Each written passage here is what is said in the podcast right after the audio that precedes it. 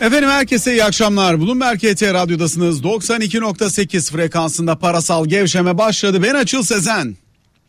Abdurrahman Yıldırım. Abdurrahman abi nasılsın? İyi mi keyifler? İyi vallahi bir yaramazlık yok. Sağlığımız, sıhhatimiz yerinde. Tatile ne zaman gidiyorsun abi? Herhalde e, bayrama doğru çıkarız. Bayrama doğru. Evet. E, az kalmış pek bir şey kalmamış.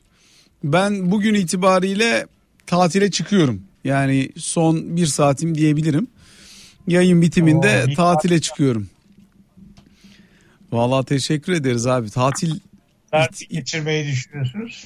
Valla işte bir böyle denizde falan e, Göcek taraflarında falan öyle geçireceğimiz bir tatil olacak inşallah. İnşallah. Abi bir şey soracağım sana. Ee, şimdi bugün bir sürü gündem maddesi var.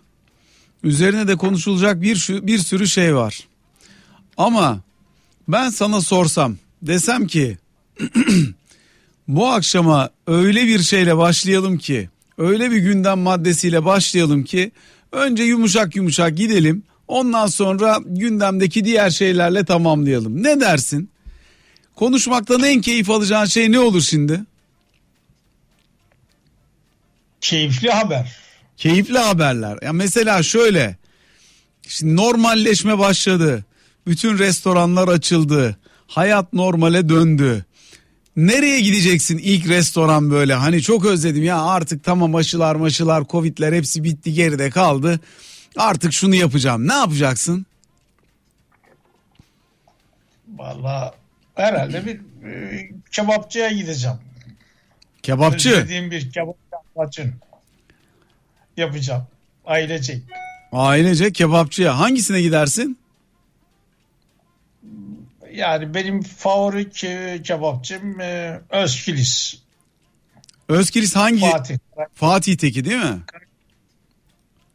Nerede? Karagümrük'te.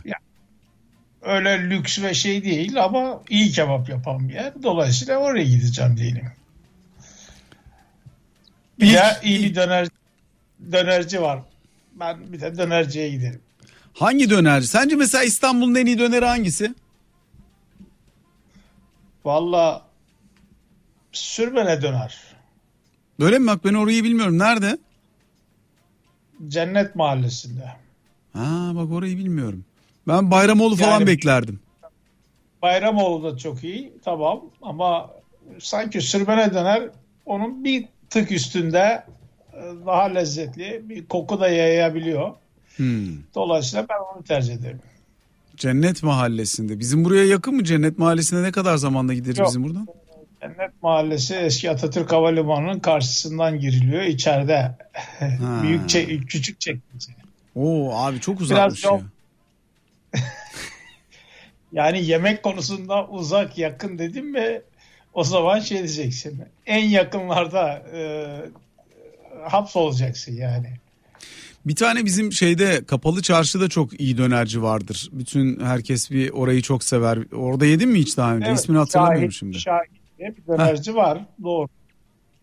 Kapalı çarşıda kebapçı var birkaç tane. iyi. Ee, bir iki tane lokanta var. Yani esnaf lokantası. Dolayısıyla kapalı çarşı o yönden zengin sayılır. Yani altıncı oldukları için ee, yemekleri de ona göre zengin. Ee, yani pahalı demeyeceğim. Esnafçı. Hmm. Pahalı değil ama hakikaten e, seçkin yemekler yapan Kaliteli yemek Özellikle yani. çarşı esnafı işte Antepli, Mardinli e, vesaire oralardan ağırlıklı gelenler var. Yemek de oralardan geliyor. Hmm. Yani iyi bir Mardin güveci, ondan sonra iyi bir Arap tava ya da Mardin tavası neyse, e, iyi bir kebap hep kapalı çarşıda yiyebilirsin. Şimdi o zaman bir gün seninle kapalı çarşı yapacağız bir öğlen. E, memnuniyetle vallahi. Yani kapalı çarşıyı özledim. Hatta yarın gitmeyi düşünüyorduk Arzu'yla. Peki şey cumartesi de açık mı Ama bunlar? öğlen de öğlen de gayet iyi. Yani çünkü altıncılar e, faaliyette oluyor. İşte dövizciler faaliyette oluyor. Alım satım vesaire. Ee, bir de kaç dükkan kapalı onu da merak ediyorum. Yani görmek istiyorum. Çünkü e, kapalı çarşı işte Türkiye'nin, dünyanın en eski alışveriş merkezlerinden birisi.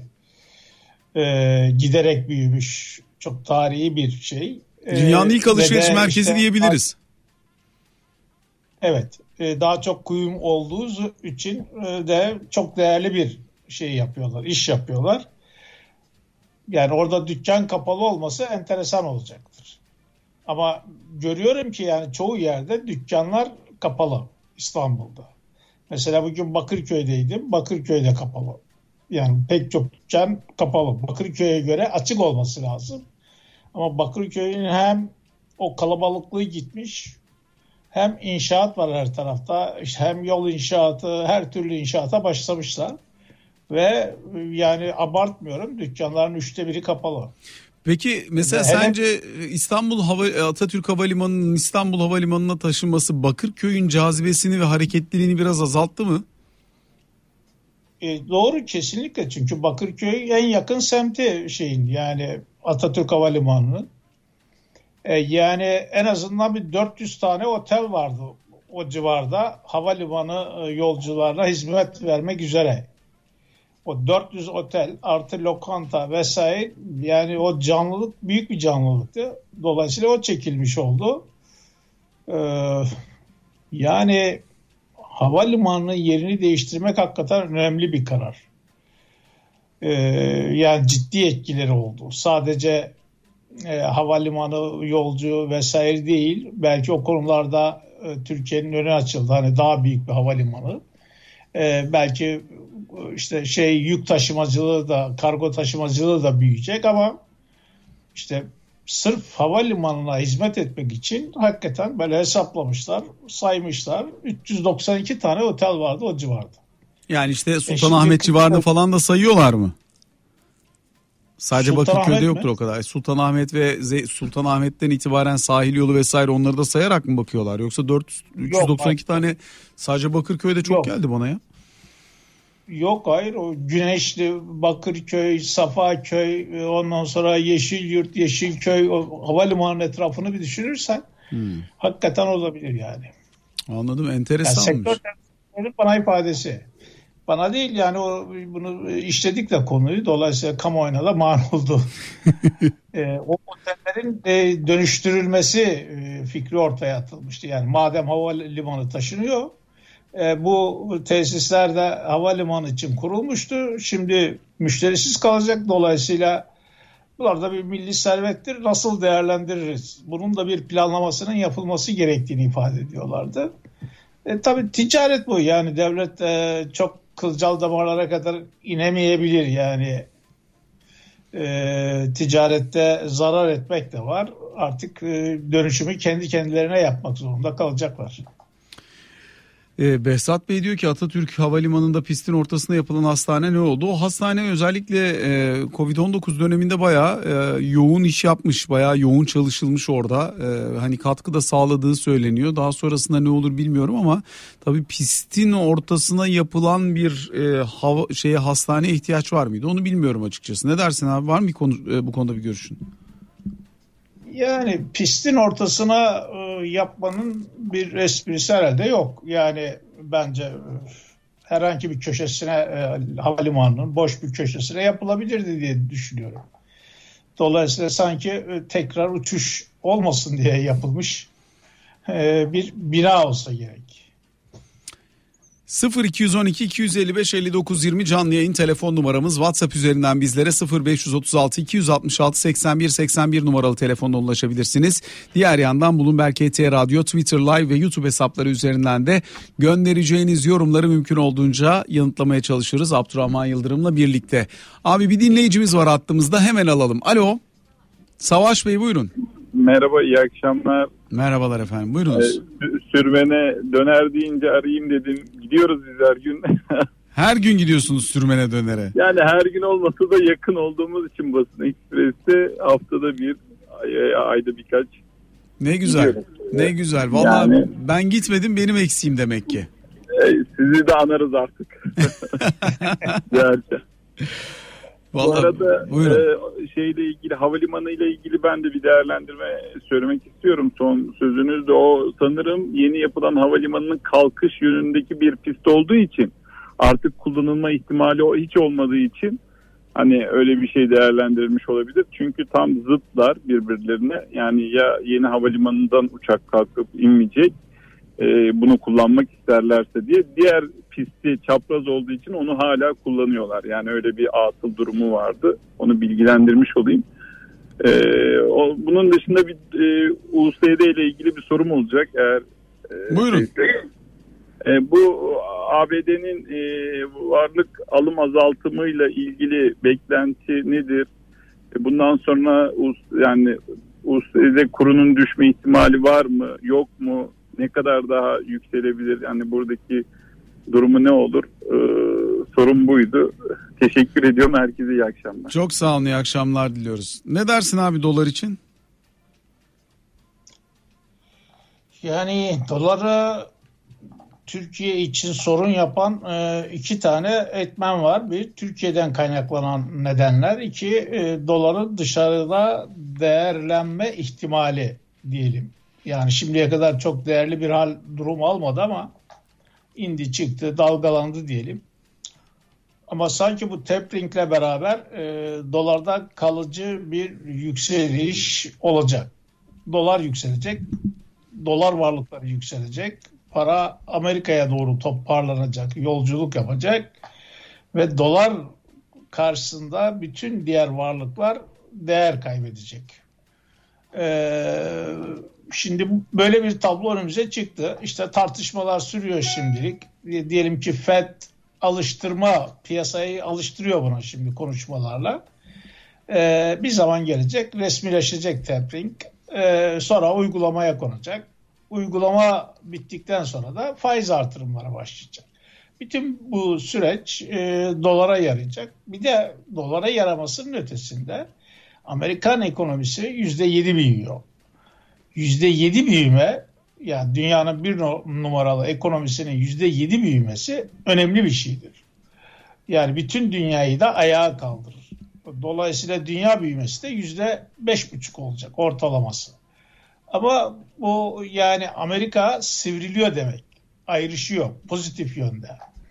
Öne geçiyor. Dolayısıyla doların değer kazanımı dış piyasalarda diğer paralara karşı da e, normalde ekonomik bir neden oluyor. Ama e, işte Türkiye'nin kendine özgü özellikle de döviz rezervlerinin eritmiş olmasından kaynaklanan bir sorunu var. E, bir de dövize ihtiyacı da var. Yani hem dış borç ödemeleri yapıyor hem e, cari açığı devam ediyor. Cari açıkta bu sene iyi bir düşüş bekliyor idik. İşte geçen seneki cari açık 38 milyar dolar. Yani bu sene onun yarısı düzeyine inebilirdi. Ama son gelişmelerle bunun biraz zor olacağı ortaya çıkıyor. Çünkü e, yani bugünlerde mesela en önemli haber ne dersen ben bugün açıklanan dış ticaret verilerini gösteririm. Orada da e, ihracatın rekor kırmasını değil, ithalatın hızlanmış olmasını gösteririm. Yani ithalat e, işte yüzde 25 artıyordu. Şimdi 6 ayda yüzde 27 buçuk artmış. Ya da e, ithalatın Haziran ayı artışı yüzde 39. Yani ihracat yüzde 47 artarken ithalat yüzde 39 artmış. Bu e, çok yüksek bir artış. Ve e, son e, hamleler Ankara'da ekonomi yönetiminin hem BDDK'nın almış olduğu kararlar, Merkez Bankası'nın kararları, zamlar buna girer mi bilemiyorum ama e, zam oranlarını yüksek tutmaları ve nasıl olsa ekonomiyi biraz yavaşlatmamız gerekir. Bu yolla da yavaşlatalım e, demiş olabilirler bence. E, bu ithalatın yüksek gelmesi etkili. Şimdi abi bak Ee, burada iki bu- şey iki, çok pardon iki şeyi sormak isterim sana. Bir tanesi bu biraz önce bahsettiğimiz makro ihtiyati tedbir çerçevesi. Son e, bu açılmalardan sonra yani hayatın normalleşmesine dair ilk açıklama geldi. Daha sonra açılmalar başladı ya. Muazzam satışlar, muazzam cirolar, muazzam bir hareketlilik söz konusu oldu. Dolayısıyla bir yandan da insanlar o harcamaları finanse edebilmek adına ciddi bir kredi talebiyle, kredi ve kredi kartı talebiyle e, hayatlarını sürdürmeye başladıklarını görüyoruz. Biz kredilerdeki 13 haftalık değil bak 4 haftalık ağırlıklı ortalamaya baktığımız zaman orada çok ciddi bir sıçrama olduğunu görüyoruz. Merkez Bankası'nın ardından yine Hazine, Maliye ve Ticaret Bakanlıklarının aldığı önlemler, BDDK'nın aldığı önlemler, taksit sınırlaması, kredilerdeki ay ve vade sınırlaması ile beraber cep telefonu cep telefonu değil pardon televizyondan e, işte şeye tablet alımına işte otomobil kredilerindeki alım miktarlarına ve vade e, tutarlarına kadar her şeyin yeniden dizayn edildiğini görüyoruz. Hem bir yandan ithalatın artışını dizginlemek adına atılan adımlar gibi görünür hem de bu kredi talebini belli bir yerde tutmak ve dizginlemekle bizim makro ihtiyati tedbirler dediğimiz daha önce de dönem dönem uyguladığımız ekonomiyi biraz yumuşak inişe zorlamaya çalışan bir dinamik yeniden harekete geçti gibi görünüyor. Nasıl değerlendirirsin?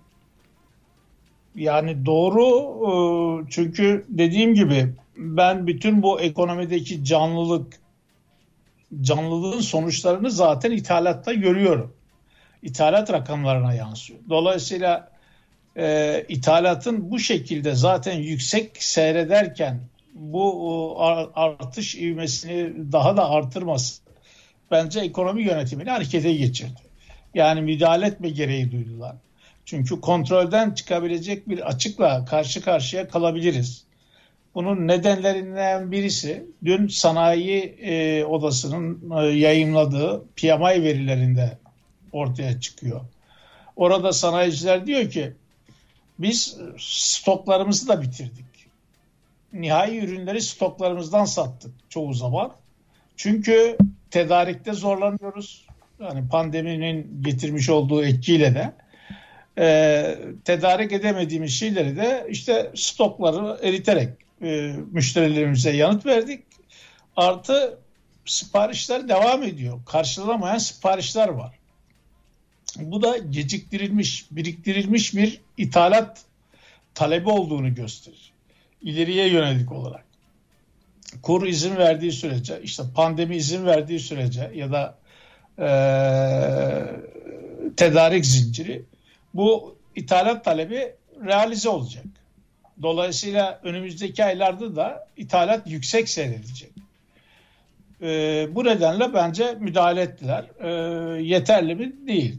Yani yine bu artış devam edecek. Ama elektrik zammı, doğalgaz zammı özellikle üretimi hakikaten ciddi boyutta e, zorlaştıran, yavaşlatan ya da fiyatların e, ciddi anlamda sıçramasına yol açabilecek bir gelişme. Yani bir elektrik e, ağırlıklı demeyeyim yani elektriği de kullanan ama doğalgaz da kullanan bir sanayi tesisi olduğunuzu düşünün. Yani ikisi de yüzde yirmi, yüzde yirmi beş artıyor.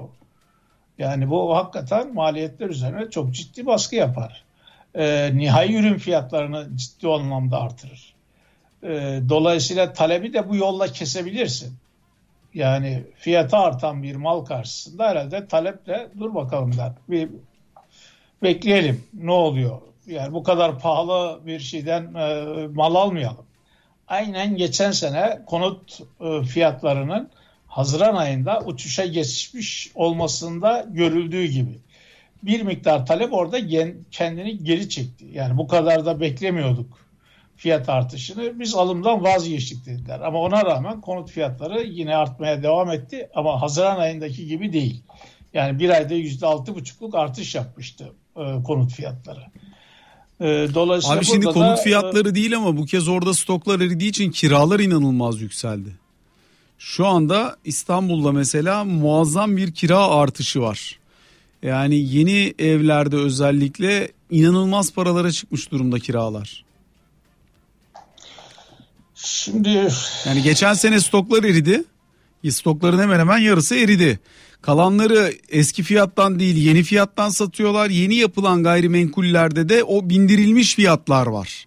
Dolayısıyla yeni ev satın almak hakikaten çok zor. Çok pahalandı. Faiz de yüksek zaten. Şu anda ev almak için doğru bir zaman olmayabilir.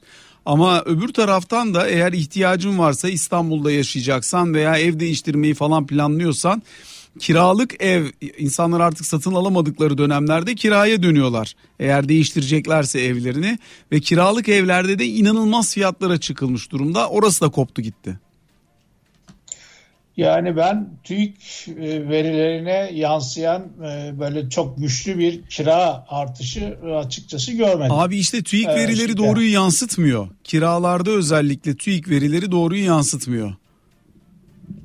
Ee, şöyle Türkiye ortalaması olduğu için mesela büyük şehirleri e, çok da ön plana çıkartmayan bir sepet oluşturmuş olabilirler e, kirada. E, ama e, bu büyük şehirlerin gerçeği hakikaten başka, farklı olabiliyor. Özellikle yani teyidini, teyidini zaten kamuya açık yerlerden de alabiliyorsun. Mesela işte gayrimenkul sitelerinden, emlak sitelerinden falan baktığında oralardaki kiralarla e, hani TÜİK'teki artış oranı arasında çok büyük fark var. Şimdi herhalde şu oldu bence. E, fiyatlar arttı. İşte kira e, fiyat oranı 36 yıla çıktı. Çok yüksek bir oran. O yok demek artık işte. Fiyat, e, yani fiyat artışında Türkiye dünya birincisi oldu. E, o yok demek yani işte artık evet. Şimdi o artan fiyatı e, fiyata karşılık şimdi ev sahipleri kiracılardan bunun payını istiyor.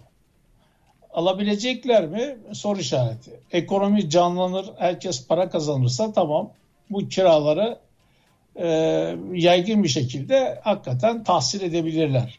Ama e, böyle bir gelir ve kazanç yok ise toplumda e, bence çok sınırlı kalır bu kira tahsilatı ve artışı bir süre sonra da yumuşar ne bileyim geri almak zorunda kalırlar filan. E, Türkiye'de kiralar aslında ucuz. Yani İdi. E, konut fiyatlarına göre ucuz. Yani bakınca. E, çünkü yani bir konutun kendi değerini e, işte 15-20 yıl arasında ödemesi lazım. Ama bakıyorsun işte 36 yılda bir ödüyor. Dolayısıyla bu oran yüksek. Konutun fiyat artışından kaynaklanıyor bence bu. Yoksa hani kiralar çok düşük değil dolar bazına çevirirsen işte e, dünya ile kiralar aşağı yukarı aynı gibi görünüyor. Yani birbirine yakın görünüyor. Fark konut fiyatlarında. Abi bak Eyüp Bey diyor ki YouTube'dan yazmış. Bedava konut kredisi verdiler. Fakir daha fakir oldu. Parası olan daha çok artırdı. Son derece doğru bir tespit. Yani fırsat eşitliği olsun diye yapılıyor ya da piyasa canlansın diye yapılıyor ama sonuçta nihayetinde düşük gelirli açısından bir eve erişme fırsatı tanımadığı gibi onlar için önümüzdeki dönemde kira maliyetini daha da yükselten bir gerçek olarak karşısına çıkıyor. Evet bir tarafı hani tamir edeyim derken başka bir tarafta çok daha büyük bir yıkıma yol açabiliyor e, e, yani bu tür uygulamalar. Merkez Bankası araştırma yapmıştı ve şunu belirlemişti. E, kredi faizlerinde bir puanlık değişme şeyde konut fiyatlarında 2.1 puanlık değişime yol açıyor. Yani kredi faizlerinde 10 puanlık düşüş yaparsanız ters yönlü ilişki var ama. Konut fiyatları 21 e, ya da 22 puan artıyor. yani düşün. Siz kredi faizlerini düşürüyorsunuz konut alınsın diye ama konut satıcıları fiyatı yükseltiyor. Konut alacaklar geleceği için. Dolayısıyla konut alıcılarının bütün avantajını, o faiz avantajını yok ediyor. Hatta üstüne bile çıkıyor. Abdurrahman abi peki şimdi Merkez Bankası bugün yatırımcılarla bir araya geldi. Yatırımcılar ekonomistlerle daha doğrusu yerli ve yabancı ekonomistlerle bir araya geldi. Burada kendilerine sorulan sorular bizim de içeriden aldığımız çeşitli e, yanıtlar ve bilgiler var bu toplantıya katılanlardan. Yerliden yabancıdan. Özellikle birkaç tane temayı sana sormak isterim. Mesela bir yabancı yatırımcı sormuş Merkez Bankası Başkanı'na. Enflasyon 19'u aşarsa ne yaparsınız diye. Enflasyonun 19'u aşmasını beklemiyoruz demiş başkan. Ama aşarsa ne yaparsınız demiş. Ona o zaman bakarız gereğini yaparız demiş. Ama gereğinin ne olduğuna dair bir bilgimiz yok. Bu bir. İkincisi kendisine makro ihtiyati tedbirler bu biraz önce konuştuğumuz alınan tedbirler para politikasında daha fazla sıkılaşma yapılamadığı için yani faiz artırılmak istenmediği için izlenen bir arka yol mu diye sorulmuş. Hayır demiş. Bunun onunla bir alakası yok. Bu bir yol değildir. Bu ekonominin gerekleri için alınan bir önlem. Öbürü de para politikası. Bu onun ikamesi değildir demiş Şahap Bey. Diğer taraftan kendisine bu pasif rasyosu sorulmuş. Pasif rasyosu dediğimizde nedir? Hani bankalara dün zorunlu karşılıklar üzerinden çeşitli avantajlar sağlandı ya.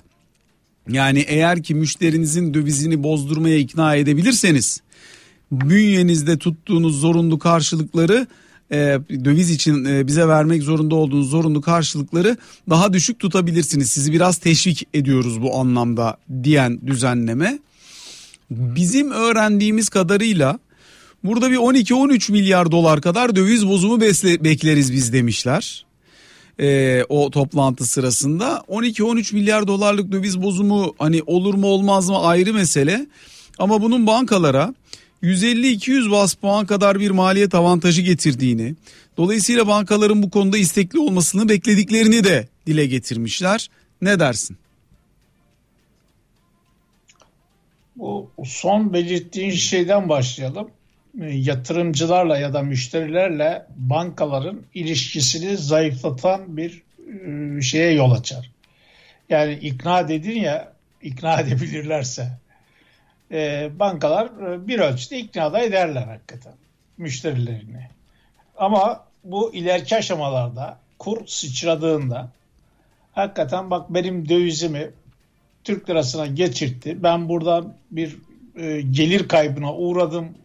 Dolayısıyla bankasına küsenler çıkabilir. Bankasına güvenenler güvenini kaybedebilir. Bunu belirteyim. Ama e, belirtilen doğrudur. Yani bütün müşterilerini ikna edemez bankalar. Ama bazı müşterilerini ikna edebilirler. Çünkü değişik farklı e, önerilerle gelip hakikaten e, müşteriden daha akıllı davranabiliyorlar. Müşteri finansal konularda banka bilgisi kadar çünkü banka kurumsal bir yapı e, çok kanaldan besleniyor. E, artı Merkez Bankası artı diğer işte e, bankalarla da bağlantılı çalışıyor ama bir finansal yatırımcıyı düşünün. E, tek başına kişi ya da ayrıca bir kurum diyelim. Dolayısıyla kurumsal olmasa bile yani orada kurumsal e, kredilerde de belki ikna ederler ama şirketlere başka e, yerden bir e, avantaj sağlamaları lazım banka işlemlerinde. O takdirde belki e, şirketlerde döviz hesaplarını çözebilir. Ama şu koşullar zaten döviz hesaplarının çözülmesini gerektiren koşullar değil uygun koşu, koşullarda bu işi yapmıyoruz. Yani enflasyon yüksek hatta işte 2019 yılındaki o yüksekliği hariç tutarsak 2000'li yıllardan sonra en yüksek düzeyinde ve daha da yükselme eğilimi gösteriyor. Bir de dünyadan kaynaklı bir enflasyon artışı var maliyet artışı var. Bunun Türkiye'ye yansıması söz konusu olacak. Üretici fiyatları tüketici fiyatların iki katına geçmiş. Oradan bir yansıma gelecek. Bunu artık e, bu durumu, bu tabloyu e, yani banka müşterileri de tasarruf sahipleri de çok rahat okuyabiliyor. Dolayısıyla yani e, Türk lirasına geçmek için uygun bir zaman değil. Ama bunu zorluyorlar. Ee, bunun yerine e, yani faizi artırmaktan kaçınıyorlar. Halbuki belki bu durumun gerektirdiği faiz e, belki de yüzde 25 bilemeyeceğim. Türkiye şartlarında nedir bu? Ee, hani sadece bir rakam atıyorum. Yani enflasyon yüzde 17-18 ise belki Türkiye'de hakikaten yüzde 25 faiz kesebilir bunun öyle. Ee, belki daha yukarısı, belki biraz daha aşağısı. Yani faiz artırımı bir araç olarak kullanmaktan imtina ettiğimiz için zaten e, çok büyük bir bedel ödüyoruz. İşte sorularda da ortaya çıkıyor ki bir türlü Merkez Bankası Başkanı'na itiraf ettirmek istiyorlar. Ya ben faiz artırmayacağım, hiçbir zaman artırmayacağım. Ya bunu desin ya da hakikaten gerektiğinde artırabilirim bunu desin. Ama Merkez Bankası Başkanı da bu netlikte konuşmamış. Dolayısıyla bu e, faiz konusunda Merkez Bankası'nın siyasi otoriteye bağımlılığının süreceğini gösteriyor. Bu bağımlılık da e, yeniden piyasalar, ekonomi uçurumun eşiğine gelmedikten sonra artırım yönünde, faiz artırım yönünde bir tercihte bulunmayacağını, bulunulmayacağını bize e, düşündürtüyor, düşündürtüyor. Çünkü geçmişte de böyle oldu faiz artırımlarında. Eğer bir faiz artırımı olur ise de herhalde e, biraz yüksek bir faiz artırımı olur. Yani birikeceği için belli bir e, ölçüde e, o birikimler sonucunda böyle yüksek oranlı tek bir faiz artırımı yapabilir. Aynen 2018 yılında yapıldığı gibi diyelim. Abi bir dinleyicimiz var hatta hızlıca alalım sonra devam edelim. Alo Metin Bey buyurunuz. E, merhaba Açıl Bey iyi, iyi yayınlar diliyorum öncelikle. Çok teşekkürler e, buyurun. Ben konut piyasasına faizin etkisinin e, fakirlerin de ev sahibi olabilmesi açısından çok fazla etkili olmadığını düşünüyorum. Çünkü e, bir daha önceki bir konunun beyan ettiği gibi faizler indirildiğinde e, hazırda parası olan ya da gücü olan insanlar bu e, ucuz kredi kullanarak ev sahibi olabiliyorlar ama fakirler çok fazla bu fırsattan yararlanamıyor. Ben bu e, fakir ve amaca da hizmet etmemiş oluyor. Amaca hizmet edebilmesinin tek yolunun vergilendirme olduğunu düşünüyorum.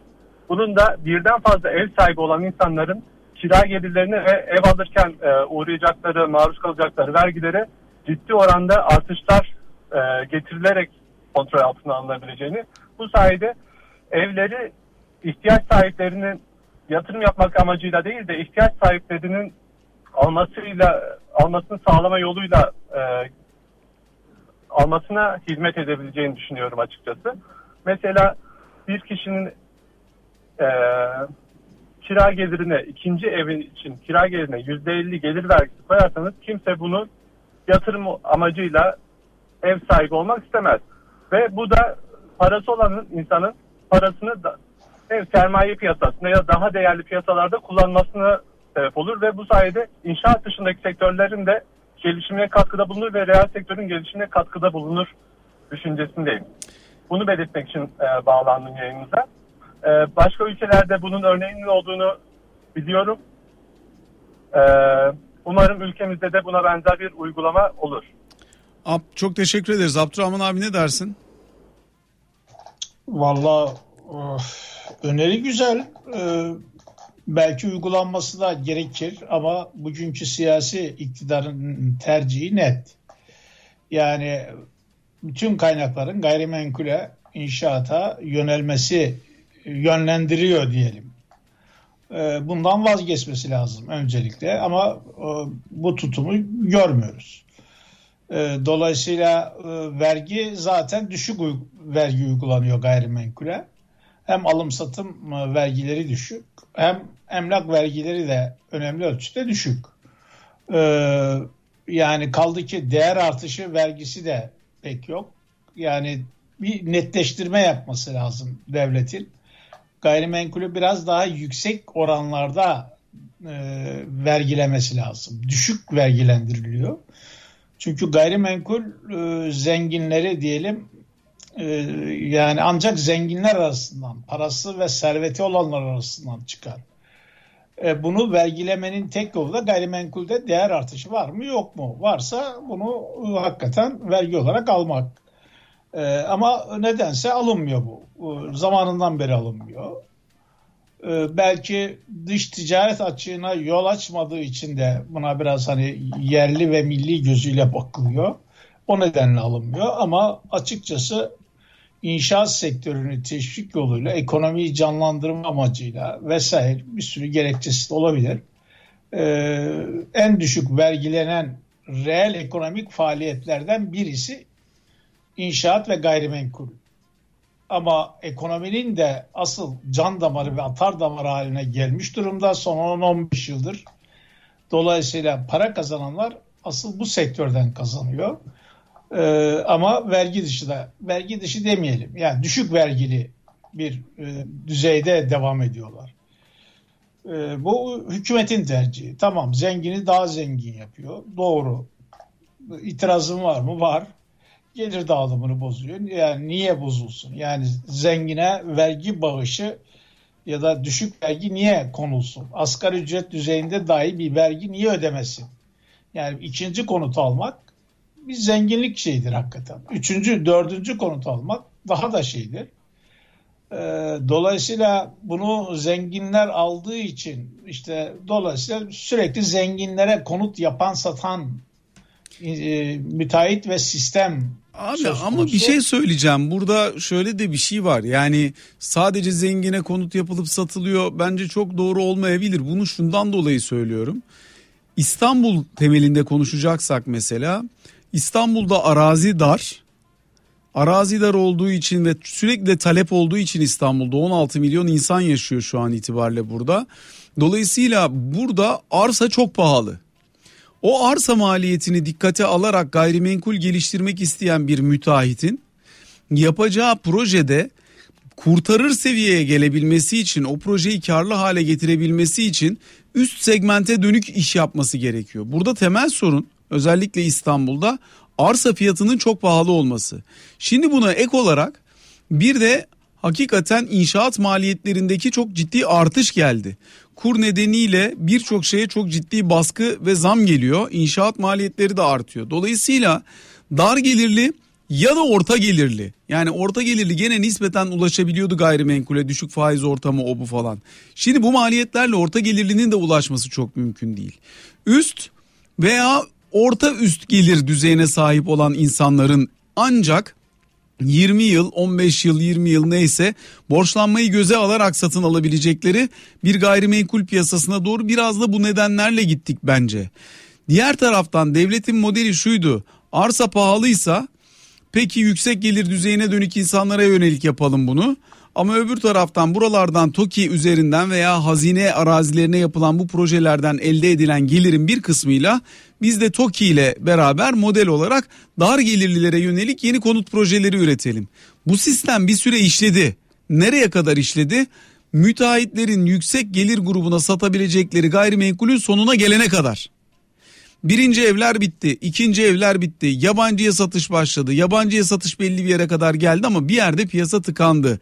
Ne zamanki tıkandı işte o zaman işler tamamen durma noktasına geldi bence. Ne dersin? Ya işler aslında İstanbul'da arsa kalmaması nedeniyle de durma noktasına geldi. Arsalar onun için pahalı. Yani İstanbul dediğimiz aslında dar bir coğrafya. Yani şehir haritasını alın koyun önünüze. Bu şehir daha fazla bir nüfusu kaldırmıyor. Bu kadar nüfusu da kaldırmıyor. Yani hata burada bence. Dolayısıyla taşı toprağı altın İstanbul. Yani nereden altın? Niye e, başka yani bu toprak şeyden ayrılıyor mu Trakya'dan ya da Anadolu'dan? Yok. Altın yapan ne? insanlar. Kalabalıklık. Yani hatamız burada. İşte su da yetmiyor. Ne bileyim ben atık yönetimi de yetmiyor bu İstanbul'a. Çevreyi de kirletiyor vesaire. Ee, yani yarın ne bir gün bir salgın hastalık olduğu zaman yine önemli sorunları yaşayacak. Nüfus çok büyük. Ben İstanbul'da kar yağışı görmüyorum. Artık kar yağ karın yağışını görmek için İstanbul'un dışına çıkıyorum. Yani e, ki geçmişte o yani 20-30 yıl önce İstanbul'a kar yağıyordu. Yani e, hatırlıyorum. Canım aralarda yağdığı oluyor da. Aralarda yani yağdı yağacak, yağdı yağacak. Hadi gelsin, gelmiyor. Yani yok yılda bir kere zor düşüyor kar. Ya böyle bir şey var mı? Yani karın yere düşüşünü engelleyecek kadar siz yerde yapılaşma yapmışsınız. Yani böyle bir şey bence hakikaten şey. Ee, yani İstanbul'da bir konut e, yani diğer bazı bölgelerdeki aynı eşdeğer konutun 2-3 katı fiyatı. E bunu bu hale getiren arsa elbette. Ama arsayı da bu hale getiren şey bence plansızlık. Yani Türkiye'de başka toprak, başka şehir mi yok? Yani niye buraya bu kadar yığ, yığılma yapılıyor? Bunu anlamak zor. Yani iş buradan karışıyor zaten. Abi 4 dakikalık bir aramız var. O arayı verelim. Bu arada sosyal medyadan gelen soruları yanıtlamaya çalışırız. Sonrasında kaldığımız yerden devam. Efendim tekrar sizlerle birlikteyiz. Bloomberg KT Radyo'da 92.8 frekansında parasal gevşeme devam ediyor. Ben Açıl Sezen. Abdurrahman Yıldırım. Abdurrahman Yıldırım'la sohbetimizin de son bölümüne gelmiş durumdayız. 0212 255 59 20 canlı yayın telefon numaramız. Telefon attığımızda kim var? Adem Bey buyurunuz. Merhaba efendim, iyi akşamlar diliyorum. İyi akşamlar dileriz. Buyurunuz. Efendim, konut stoklarından bahsederken biz yaklaşık 15 yıldan beri İstanbul'daki konut stoğunu arttırdığımız gibi bir de şöyle bir şey var. Elimizde e, canlı bomba gibi bekleyen eski yapı stoklarını da yenilemeden arttırdık. Şimdi hala hazırda bir konut stoğumuz var. Geçen sene bir nebze eridi. Bir de yenilenmesi gereken çürük konut stoğumuz var. Şimdi 16 milyon nüfus diye konuşuyoruz. Düşünün bir de bu yenilenmesi gereken konut stokları e, yenilendiği zaman ne hale gelecek? Şunu demek istiyorum aslında 10-15 yıldan beri kentsel dönüşüm diye yani toplumda konuşulan hadise aslında boş araziye yeni yapı stokları yapmak yerine eskimiş konut stoklarını kentsel dönüşüm haline getirseydi eyvallah başımız üstüne. Ama zübükvari e, politikacılar sebebiyle ne yazık ki hem elimizde eski konut stokları bir de üst ailenize iyi tatiller diliyorum efendim. Çok teşekkür ederiz efendim sağ. Ee, Abdurrahman abi biraz önce sen de reklam arasında gelen sorulara yanıt verirken aynı şeyi söylüyordun. Ee, altını çizmeye çalıştığın temel nokta yani burada İstanbul'da bir deprem gerçeği var. Burada bu konutların gayrimenkullerin yenilenmesi daha sonraya dönük bununla ilgili çeşitli önlemler alınması için kaynakların harcanması e, daha efektif olabilir dedin. Ne dersin dinleyicimizin görüşü için? Yo, aynı şeyi söyleyeceğim. Yani bu hükümetin bakanı, İçişleri Bakanı e, AFAD'dan da sorumlu olduğu için e, İstanbul'da 7,5 şiddetinde bir depremin beklendiğini açıkladı. Yani en yetkili ağızdan İstanbul'da 7,5 şiddetinde bir deprem bekleniyor. Bilim insanlarına bakıyorsun. Onlar da diyor ki evet önümüzdeki işte bu e, ifadeleri belirtili zaten 3-4 sene oldu. 30 yıl içerisinde İstanbul'da bu e, şiddette bir deprem olma olasılığı yüzde 65. Şimdi tamam yani Allah'ın işine karışılmaz diyelim doğa olayı bu. Ama yani bir deprem bekleniyor. O zaman e, yani binaları güçlendirmemiz lazım. Yıkılacak bina sayısı da e, biliniyor. Yani 48 bin olarak hesaplanmış. E, bina daire sayısı demiyorum. Yani daire sayısı olarak e, herhalde çok daha fazladır. Yani bunun 4-5 katı, 6 katıdır filan mesela. Aralarında iş yeri de vardır filan. Yani tamamen yıkılacak binalardan söz ediyoruz. E, bir de e, işte ağır hasarlı ve orta hasarlı binalar olacak. E, yani bu binaların hakikaten ya yıkılması yani yıkılabilecek binaların yıkılması beklenen binaların yıkılması ve yeniden yapılması. Ee, işte diğer binaların da güçlendirilmesi yoluna gidilmesi hem insan kayıplarının böyle bir felakette azalmasına yol açar hem de o depremin altından Türkiye'nin kalkmasını kısa sürede kalkmasını sağlar. Yani İstanbul e, sadece İstanbul değil. İstanbul bir Türkiye'dir. Çünkü işte ekonominin üçte biri İstanbul'dadır yaklaşık. Yani bazı alanlarda daha fazladır. Finansın kalbidir. Bütün bilgilerin toplandığı yerdir. ticaretin kalbidir, sanayinin kalbidir vesaire. Yani bütün bunları toplamışız tek bir yere ve burası da depreme çok açık maalesef fay hattı üzerinde ve e, yıkılacak bina sayısı da fazla ve bu gelişme karşısında hiçbir hiçbir demeyeyim yani e, asıl e, önlem almamız gereken konuda herhangi bir şey yapmış yok yaptık yapmış değiliz demeyeyim yani yapılan yeni binalar aslında depreme karşı bir önlemdir. Yani yapılan ve satılan İstanbul'daki binalar daha güvenli binalar olarak kabul ediyorum. Ee, işte 98 yönetmeliği e, yani 99 depreminden sonra değiştirilen şeyle yapılmış olduğu için e, ama bu yaklaşık yüzde 20 yüzde 25 civarında bir yapı stok oluşturuyor. Yani biz bu hızla gidersek yani bu yüzyılın sonunda ancak İstanbul'un binalarını değiştirebileceğiz. Dolayısıyla olayı hızlandırmamız lazım. Kentsel dönüşümle. E, dinleyicimiz de son derece haklı. Biz de haklıyız. Ama olaya devletin öncülük etmesi lazım. Kentsel dönüşümü çalışabilir kılması lazım. Ve bunun için ortaya bir tatlandırıcı bir şeylerin konması lazım. O tatlandırıcı da paradır.